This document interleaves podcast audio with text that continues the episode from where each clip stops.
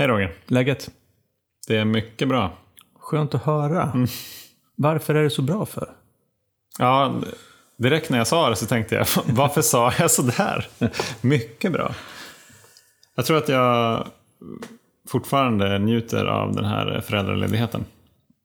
Mm. Och har kommit in i något ännu lugnare tempo. Än vad jag någonsin har haft tidigare i mitt liv. Jag trivs väldigt bra med det. Skönt för dig. Ja. Själv då? Jo, det är fint. Jag eh, var ju nere i Nürnberg Ja. i helgen. Körde bil fram och tillbaka tillsammans med min dotter för att hälsa på min eh, son. Och hennes storebror. Han har ju börjat jobba där nere och har fått ny, eller har flyttat in i en ny lägenhet. Så vi körde en massa grejer. Mm. Och fick hänga. Nürnberg, det är ganska långt att köra, tänker jag. Ja, det är ganska långt.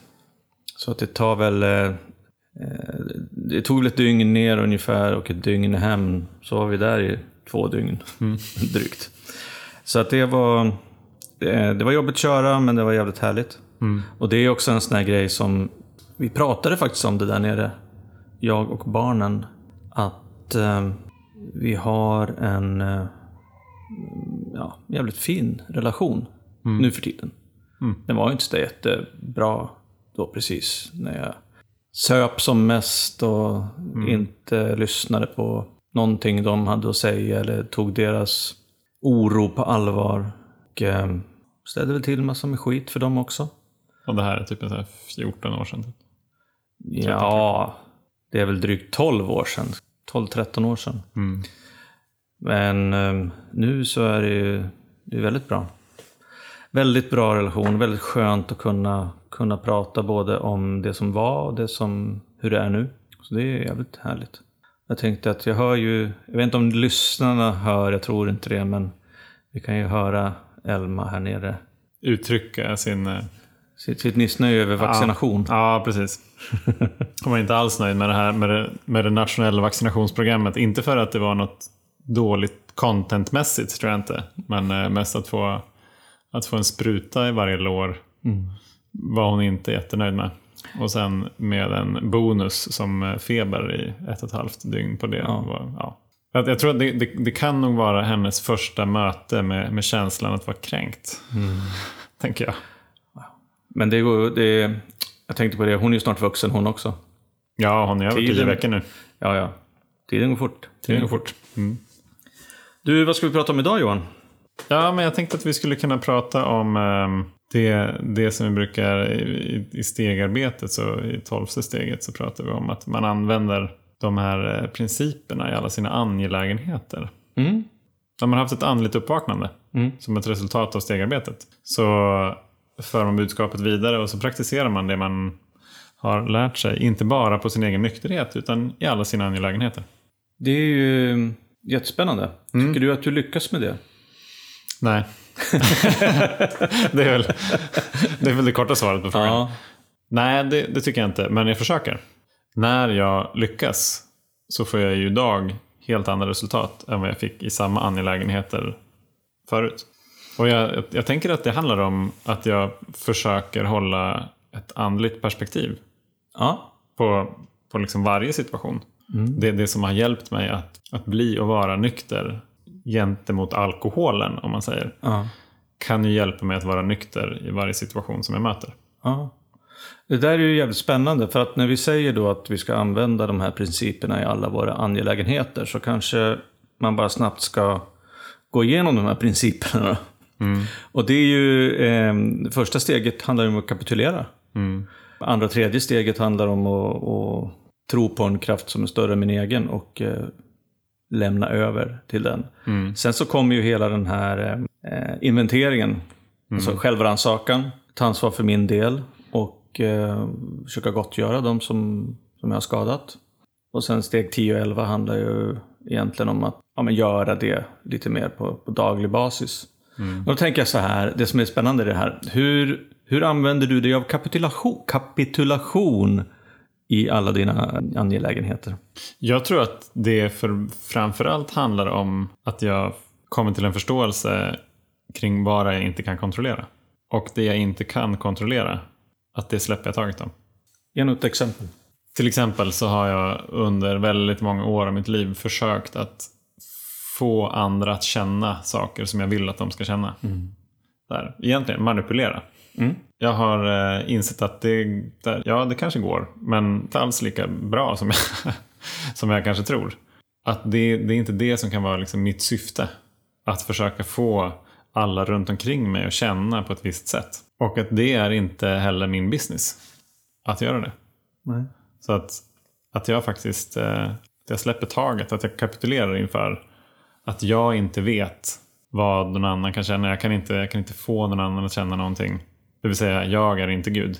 Nej, precis. Och, och det är ju så att om man ska vara lite petig, vilket man bör vara när det, när det gäller eh, programmet och eh, vad som står där, så, så står det ju faktiskt att vi erkänner att vi, är, att vi var maktlösa mm. inför alkoholen. Mm. Och eh, det du pratar om nu, det är ju också någonting som, som jag tycker att, att det är jävligt viktigt att kunna göra i många, många situationer. I relationer och när det händer grejer och just vad jag tycker om hur andra människor borde bete sig eller vad de borde tänka eller känna. Mm. Just det där att jag är faktiskt maktlös. Och då tänker jag så här, hur känner du kring det där begreppet, liksom maktlös? Ja, men det var precis det jag satt och, och funderade ja. på. För att jag har haft ganska svårt med det begreppet. Ja. Eh, jag kommer ihåg första, första tiden i, i tolvstegsprogram så tänkte jag maktlös. Det, låter som att jag, att jag bara ger upp och, och, och inte tar något ansvar. Ungefär mm. att det är så här väldigt eh, fatalistiskt någonstans. Men jag har insett att det, det gäller för mig att veta vad är jag är maktlös inför. Mm. Och vad är det jag behöver ta ansvar för. Ja. Så att jag inte förväxlar dem. Nej, jag håller med. Och, och, och, på det sättet så tycker jag att maktlöshet i sig, om man kan erkänna maktlösheten, mm. så ger det en jävligt stor frihet. Ja, absolut. I att jag är maktlös inför egentligen nästan allt i livet. Förutom det som jag kan påverka med mig själv. Ja.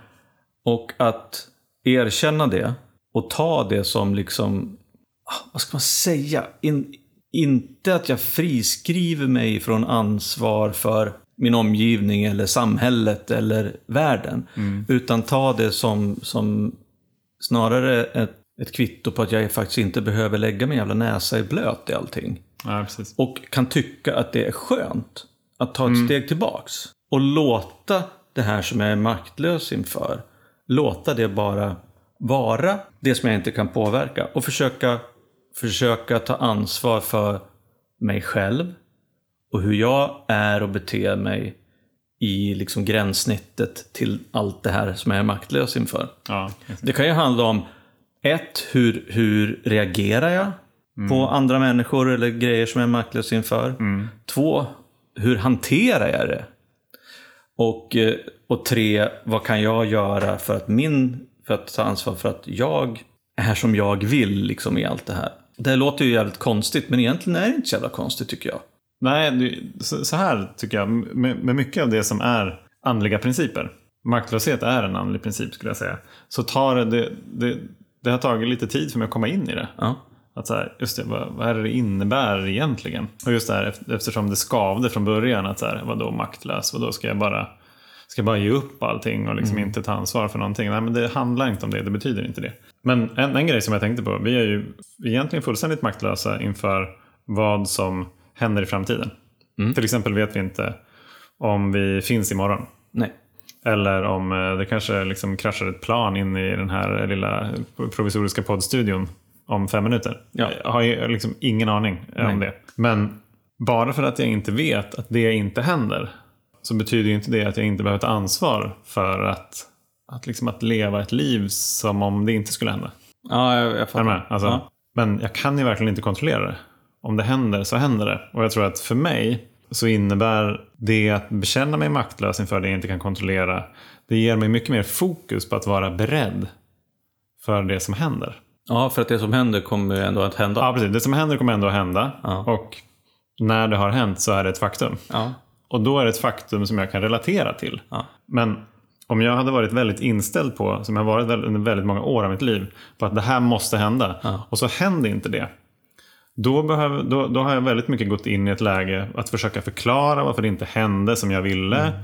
Att försöka skylla på någon annan såklart. Och att lägga en hel del energi på att vara sur och kränkt och bitter ja. över att det inte blev som jag ville. Nej. Precis, och det, där, och det där kan ju röra både, både triviala grejer som till exempel Fan, imorgon får det inte regna. Ja, då, ska jag cykla, då ska jag cykla till jobbet. Mm. Mm. Helvete, nu, nu verkar prognosen säga att det blir regn imorgon. Mm. Jävla SMHI. Ja. Fan också. Jag som hade tänkt cykla. Så går runt och hoppas på att det inte ska regna. Så vaknar jag upp på morgonen och så regnar det och så blir jag så jävla arg för att det regnar mm. och jag inte kan cykla. Istället mm. för att, precis som du säger, vara beredd. Det kan vara sol, det kan regna, det kan vara varmt, det kan vara kallt. Jag är beredd. Mm. Det är ett jättetrivialt exempel, men samma sak kan man ju säga om, om ens partner, om mm. ens arbetskamrater, mm. om, om människors åsikter och tankar och beteende i stort. Så det är ju en jävligt viktig princip, tycker jag, att ta med mm. sig i alla mina angelägenheter. Mm. Att jag faktiskt inte kan kontrollera, eller ibland inte ens påverka saker och ting så att den blir som jag vill. Hur, hur gör du för att hitta det som du kan ta ansvar för och kanske borde ta ansvar för och det som du är maktlös inför? Jag vet inte riktigt, men under åren som har gått så har jag nog byggt upp någon typ av, ja, jag vet inte vad jag ska kalla det för, men alltså sensor. Som, som gör att jag kan eh, släppa taget om, om, om saker och ting på ett helt annat sätt än jag kunde förut. Både saker som händer, eller inte händer, ja. mm. och saker som, som jag kanske önskar eller tycker att eh, de borde vara på något annat sätt. Det, det enklaste, eller ett annat trivialt exempel, är ju till exempel hur jag har blivit i trafiken. Berätta. Ja, men, eh, det är ju jättetydligt, för där kan jag ta ansvar för min egen del. Jag kan hålla mm. mig, jag kan, jag kan göra, om jag kör bil till exempel, så kan jag köra bil på ett sätt som, som, jag, som jag tycker ger, är tydligt för de som är runt omkring. Jag kan hålla hastigheten, jag kan, jag, kan, eh, jag kan blinka, jag kan bromsa, jag kan visa, jag kan vinka. Liksom så. Jag, kan vara, jag kan ta ansvar för mig själv. Mm. När jag var aktiv, då drack jag för det första. Mm. Don't try this at home. Nej, precis. Då så kunde jag bli väldigt irriterad på folk som bytte fil på fel sätt. Ja, ja. Eller som faktiskt gick, inte gick över övergångsstället Fast de har liksom rätt att gå över övergångsstället och att jag ska stanna. Mm. Eller så stannade jag inte därför att jag tyckte att, vad fan, nu var ni lite för sena. Mm. Alltså, jag var väldigt, jag var jävligt mycket fokus på hur folk borde bete sig. Och det här är väl någonting som kanske inte är... Det är, ju viktigt, därför att det kan ju bli farligt om man, om man gör på fel sätt. Men jag tycker ändå att där är jag nu en jävligt liksom eh, accepterande och eh, avslappnad person i trafiken. Det finns alltså kärleksfulla bilister? Ja, det kan göra det. Och det är ju någonting som också, återigen, liksom, ja men det är, väl, det är väl ett område som man kan träna på. Men det, men det är ju, alltså för vissa människor, för mig, så kunde ju, alltså irritation till exempel, mm. i trafiken, det kunde ju liksom påverka en hel dag. Att jag blev grinig och, och, förbannad och tvär och ville skriva insändare typ. Mm. Gjorde du det någon gång? Nej, det gjorde jag inte. Ja. Men, eh, men... Det var kul att läsa en insändare från en aktiva Roger faktiskt. Men, men det var också så här, ett annat ett exempel. Vi hade ju någon, för länge sedan, i, så, så var det en tidningsartikel i lokalblaskan i Västerås om en faktiskt affärs, eh, affärsförhållande mellan min byrå och eh, Västerås stad. Och då var det någon där som hade uttalat sig på något sätt som eh, jag tyckte var helt fel. Och då låg jag hemma med influensa dessutom, så jag hade feber Oj. när det här kom ut. Och jag skrev faktiskt ett jätte, jätte, jättelångt mail mm. för att ställa allting till rätta. Oj. Ja, och jag var så underbart. jävla feberarg. Och så skickade jag det till min kollega, min businesspartner. Ja. Han bara, nej men vi, vi släppte där. Vi, mm. vi, jag bara, men hur? Hur kan du låta honom stå där oemotsagd liksom, och säga såna grejer som är uppenbart felaktiga? Ah, skitsamma, sa han. Han är mm. faktiskt inte, inte nykter alkoholist, men en ganska mm. väldigt, väldigt vis och sund människa. Han låter ändå nykter. Ja, väldigt nykter. Så vill jag ju hålla på med allting och jag försökte, precis som du, liksom få människor att göra som jag ville. Eller tycka om mig åtminstone. Ja, precis. Snälla. Mm, Ja, snälla. Schysst. Så det är ju en... Och jag tror att det är en anledning till att vi har pratat om det här nu i en kvart. Liksom, att det är ju en av de stora, tunga, viktiga grejerna i de här principerna. För oss, eller för Ja, mig i alla fall. Att använda i alla mina angelägenheter. Alltså, jag, en, en grej som jag tänker på det är att om jag inte erkänner mig maktlös inför till exempel alkoholen eller andra saker. Då är det de eller den som har makten över mig. Mm. Så, så, så funkar det för mig i alla fall. Att innan jag kom till insikt om att jag är maktlös inför alkoholen. Så var det ju alkoholen som hade jättemycket makt över mig. Ja, men det där är en intressant tanke. För att jag skulle kunna tänka lite annorlunda. Ja. Hur tänker du? Ja, men jag tänker så här att, okej, om jag erkänner mig maktlös, om jag kapitulerar inför alkoholen, erkänner jag mig besegrad? Mhm, ja, så tänker inte jag. Nej. Alltså, det här är en fight som inte jag kan vinna. Så att, jag alkohol, du har vunnit över mig. Men jag kliver bort ifrån den fighten. Ja, precis. Det, jag, jag tänker så här. Jag byter spelplan bara. Ja, ja, ja men exakt. Så att liksom, jag, jag tänker inte fortsätta försöka vinna Nej. över Nej, alkoholen. precis. Nej, exakt. Därför att jag har liksom förlorat. Jag kommer inte kunna vinna. Jag ligger under med 100-0 liksom. Jag kommer inte komma in på din planhalva ens. Så att Ja. vi stänger den här matchen nu och så säger vi tack. Bra, bra, bra jobbat. Golfapplåd till Ja. ja. alkohol. Ja. Tack för god match. Så, du har vunnit. Jag, jag, går, jag byter liga, jag byter sport liksom. Ja, ja. Lite grann så. Så tänker jag om, om att just det där att, Ja, att erkänna sig maktlös. Ja, precis. Det, Så att- det, så att- det, det är nog bara liksom att, att det ringer liksom... Ja, man kan ju ha olika sätt att tänka på det. Ja, att liksom associationen till att vara besegrad är någonstans så här, okej, men då betyder det att det gick att vinna. Någonstans, alltså så här, tänker jag i alla fall. Men jag tror att på något vis så, så här, hela liksom maktkampen då, om man säger, det ligger ju i att jag har en, en etablerad relation liksom, till alkohol, till eh, att försöka kontrollera andra människor, vad de tycker och tänker, till eh, vilka affärsresultat jag ska få på jobbet till exempel. Och så länge jag är i den liksom tvåenigheten där och ingår i kampen så lägger jag en massa energi på en kamp jag inte kan vinna. Nej, exakt. Och, och då har ju det som jag är i kamp med makt över mig. Men om jag säger så här, jag är maktlös inför det här. Det, liksom det, jag, jag kommer aldrig att vinna den här kampen. Så jag, jag kliver av tåget här nu. Jag byter spelplan eller så här. Ja. Jag sätter mig på avbytarbänken och chillar ett tag och låter liksom livet bara hända. Då ändras ju hela makt, maktbalansen. Den så här, jag, jag, jag kortsluter den nu. Den, den Ja, finns inte exakt. Exakt. Men grejen är, det som jag tycker är viktigt för, för mig i det här, det är att inte låtsas att jag inte har förlorat. Därför jag har förlorat matchen mot alkoholen. Jag erkänner det. Du har vunnit över mig. Jag kan inte fortsätta fightas mot dig. Du har vunnit. Jag ligger här med blottad strupe och erkänner att du har vunnit. Liksom. Att ta bort hela den liksom, prestigen över att inte klara av eh, alkoholen. Eh, och erkänna också att mitt liv är ohanterligt. Och det är ju det som när vi pratar om att nå sin botten. Ja, Då är det där, när man ligger där med strupen blottad Ja. och säger du vann. ja Jag är besegrad. precis. Okej. Jag kliver bort ifrån det, det här nu. Jag ska inte vara med alkohol längre. Nej. Nu är jag nykter. Jag lämnar walkover. Ja. Och, och just det där att faktiskt jag erkänna det. Och precis, alltså det som du är inne på, det, är- det är liksom det här. Jag har lyckats gjort det inför alkoholen. Men eh, jag, jag får fortfarande kanske kämpa med alltså, sådana här grejer som kontroll. Eller bekräftelse. Eller eh, avundsjuka. Missundsamhet. Alltså grejer som känslor som kan styra mig och som jag inte heller kan påverka och som jag är maktlös inför. Eller, eller skeenden som jag är maktlös, maktlös inför. Också erkänna så att ja, men jag, jag har förlorat. Jag kommer inte att kunna kontrollera de här människorna. Eller jag, jag kan bara ta ansvar för min egen del.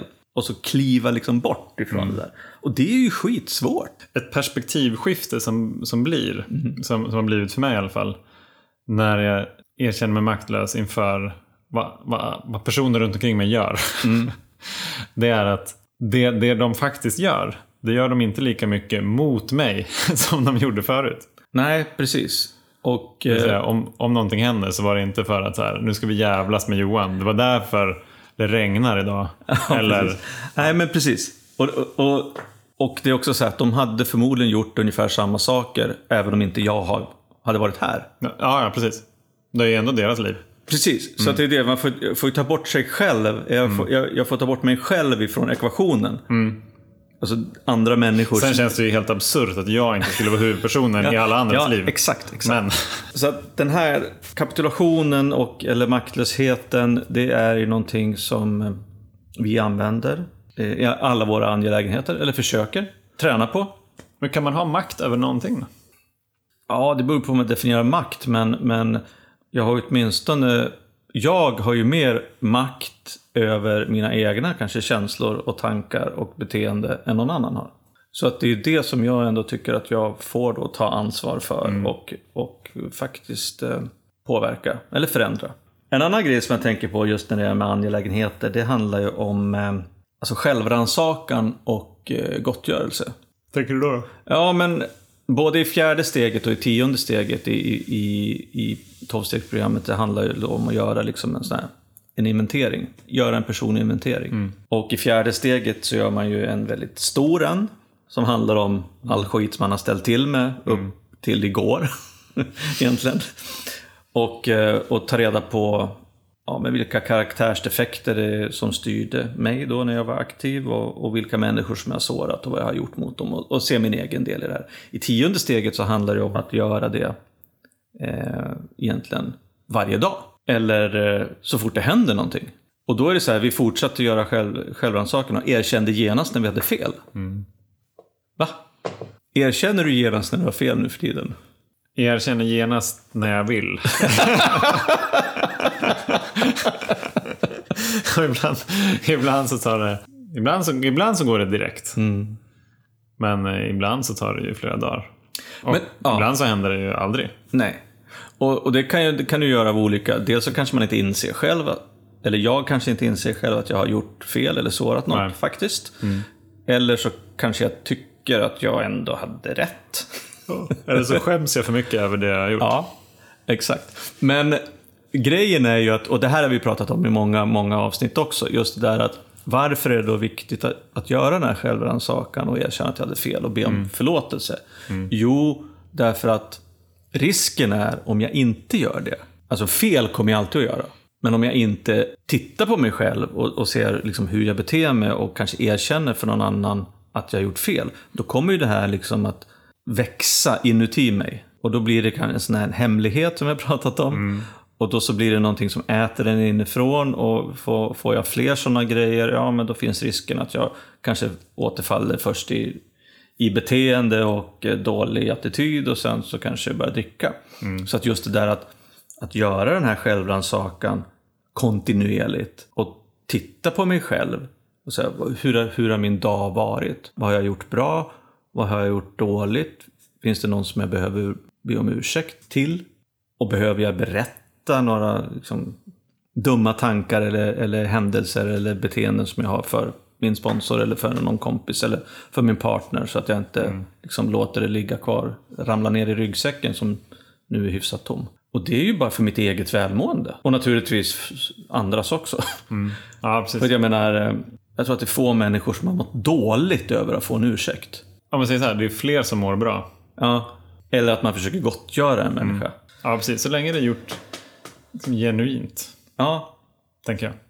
För att jag tänker ju så här, och det har vi pratat om för att jag har ju ibland tagit upp grejer med Jenny till exempel som jag känner så här, oj det där behöver jag nog, jag behöver nog prata med henne om det där. Att jag tycker att jag betedde mig illa eller sa någonting konstigt eller kanske borde ha gett henne mer, mer space, mer attention. Och i vissa fall så det, har ju hon också samma bild av vad som har hänt. Men i andra fall kan det vara så att hon tycker att det är en bagatell. Medan för mig kan det bli en stor grej. Och jag tror att det omvända kan också vara vanligt. Att jag kanske tycker att det är en bagatell. Men för någon annan kan det vara en stor grej. Och det är därför det är viktigt att lufta sådana här saker. Oavsett om det är ja, men i nära relationer, kärleksrelationer, familjerelationer. Eller om det är... Jobbet. Ja, jobbet.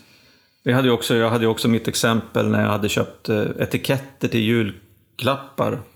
på ICA och hade fått med mig två förpackningar istället för en och bara betalt för en förpackning. Oj. Och när jag gick tillbaka så det var ingen som hittade så de visste inte hur mycket de... Ja. Men just det där att det var någonting som inte jag kunde leva med plötsligt. En bagatell kan tyckas, men kan vara viktigt. Ja, det var liksom ändå ofrivilligt slash omedvetet snattande från ICA. Jag fick ju ändå betala. Ja, 19 kronor eller vad det var. ja det var 19 spänn. Ja. Hur gör du för att ha det som, eller hur ser din dagliga rutin ut? Har du en daglig rutin?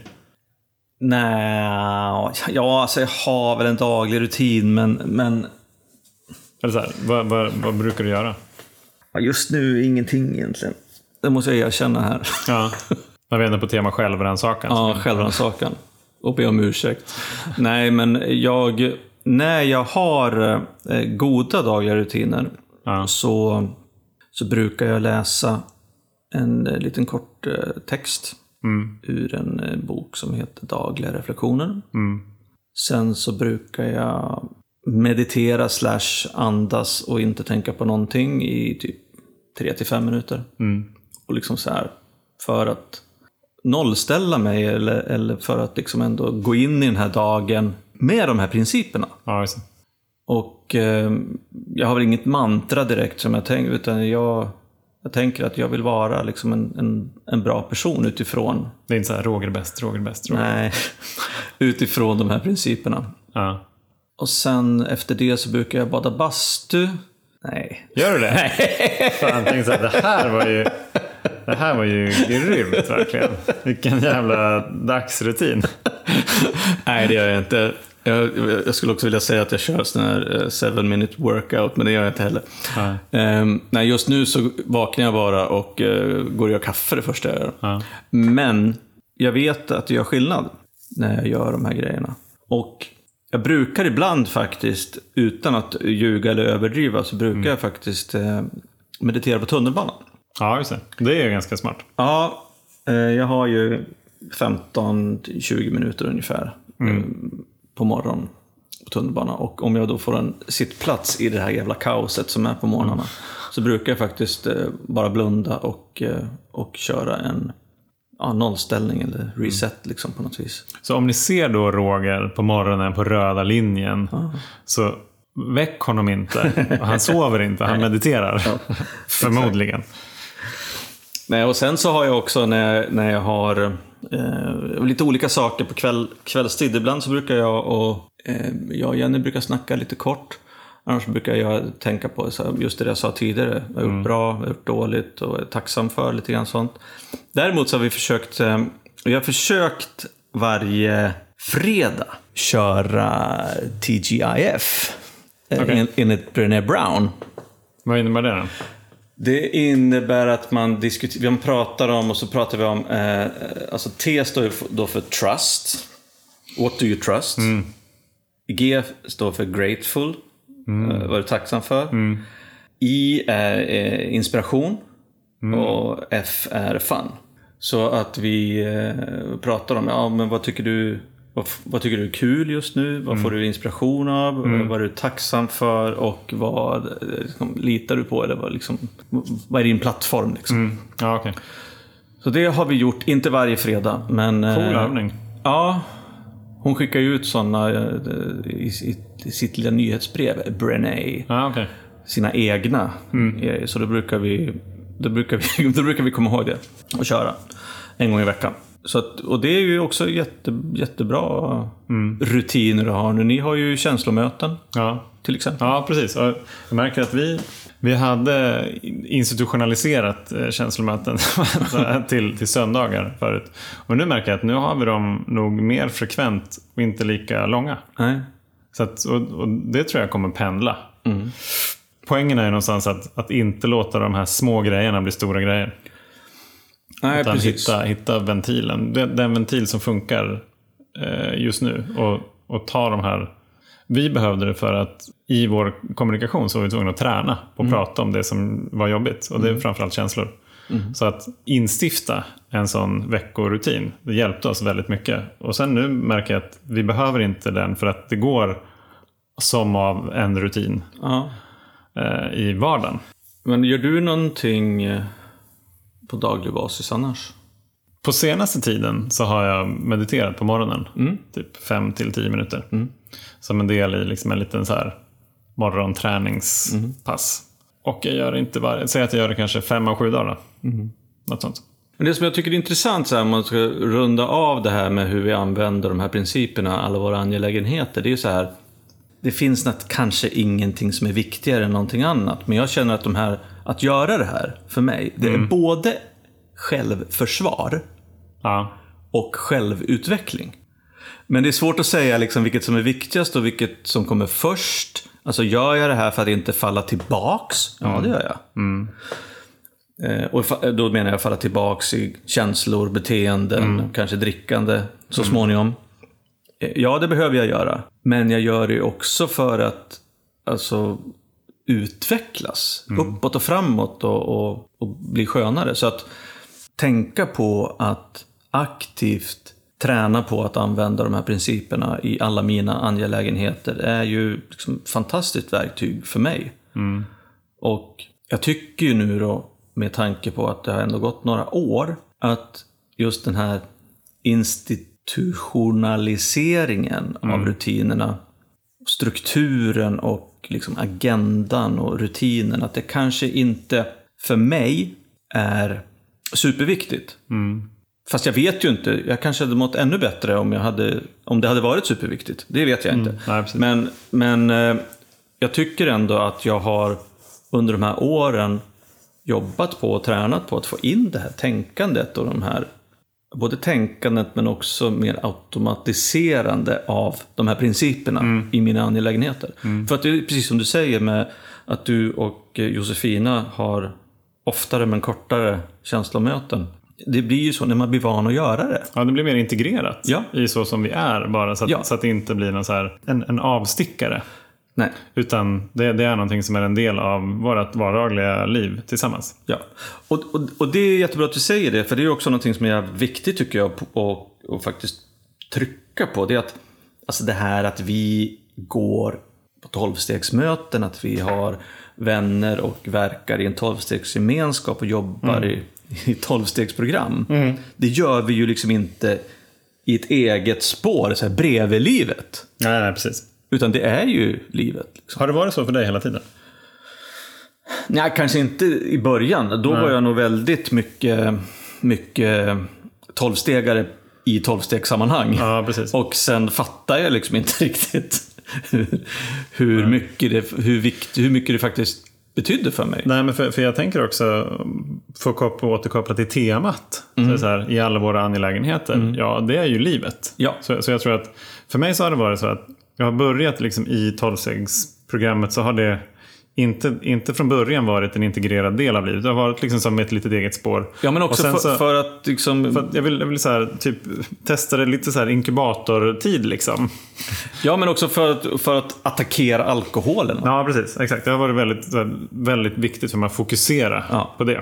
Eh, men sen i, i takt med att jag blivit nyktrare, lite mer bekväm antar jag också. Eh, så har jag ju velat använda principerna i resten av livet också. Och sett att det får ju fantastiska resultat.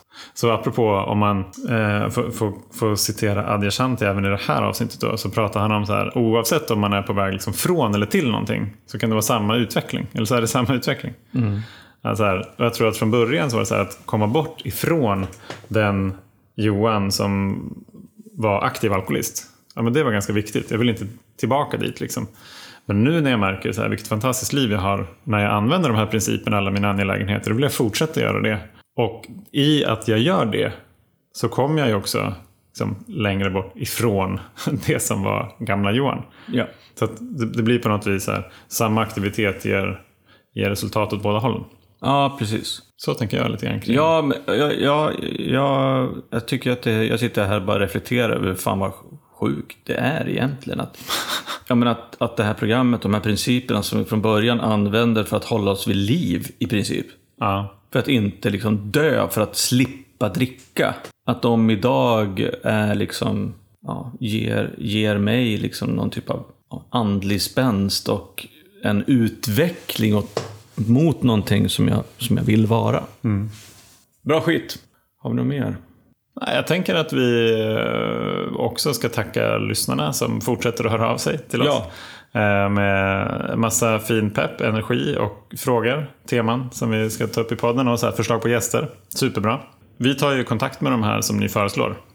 Och eh, så håller vi tummarna för att de vill vara gäster i vår podd. Mm. Så fortsätt väldigt, väldigt gärna med det. Och sprid budskapet vidare till de som ni tror skulle behöva höra det. Ja. Och ha en fin helg hörni. Mm. Ha det fint. Ha det bra. Kram, kram. Hej!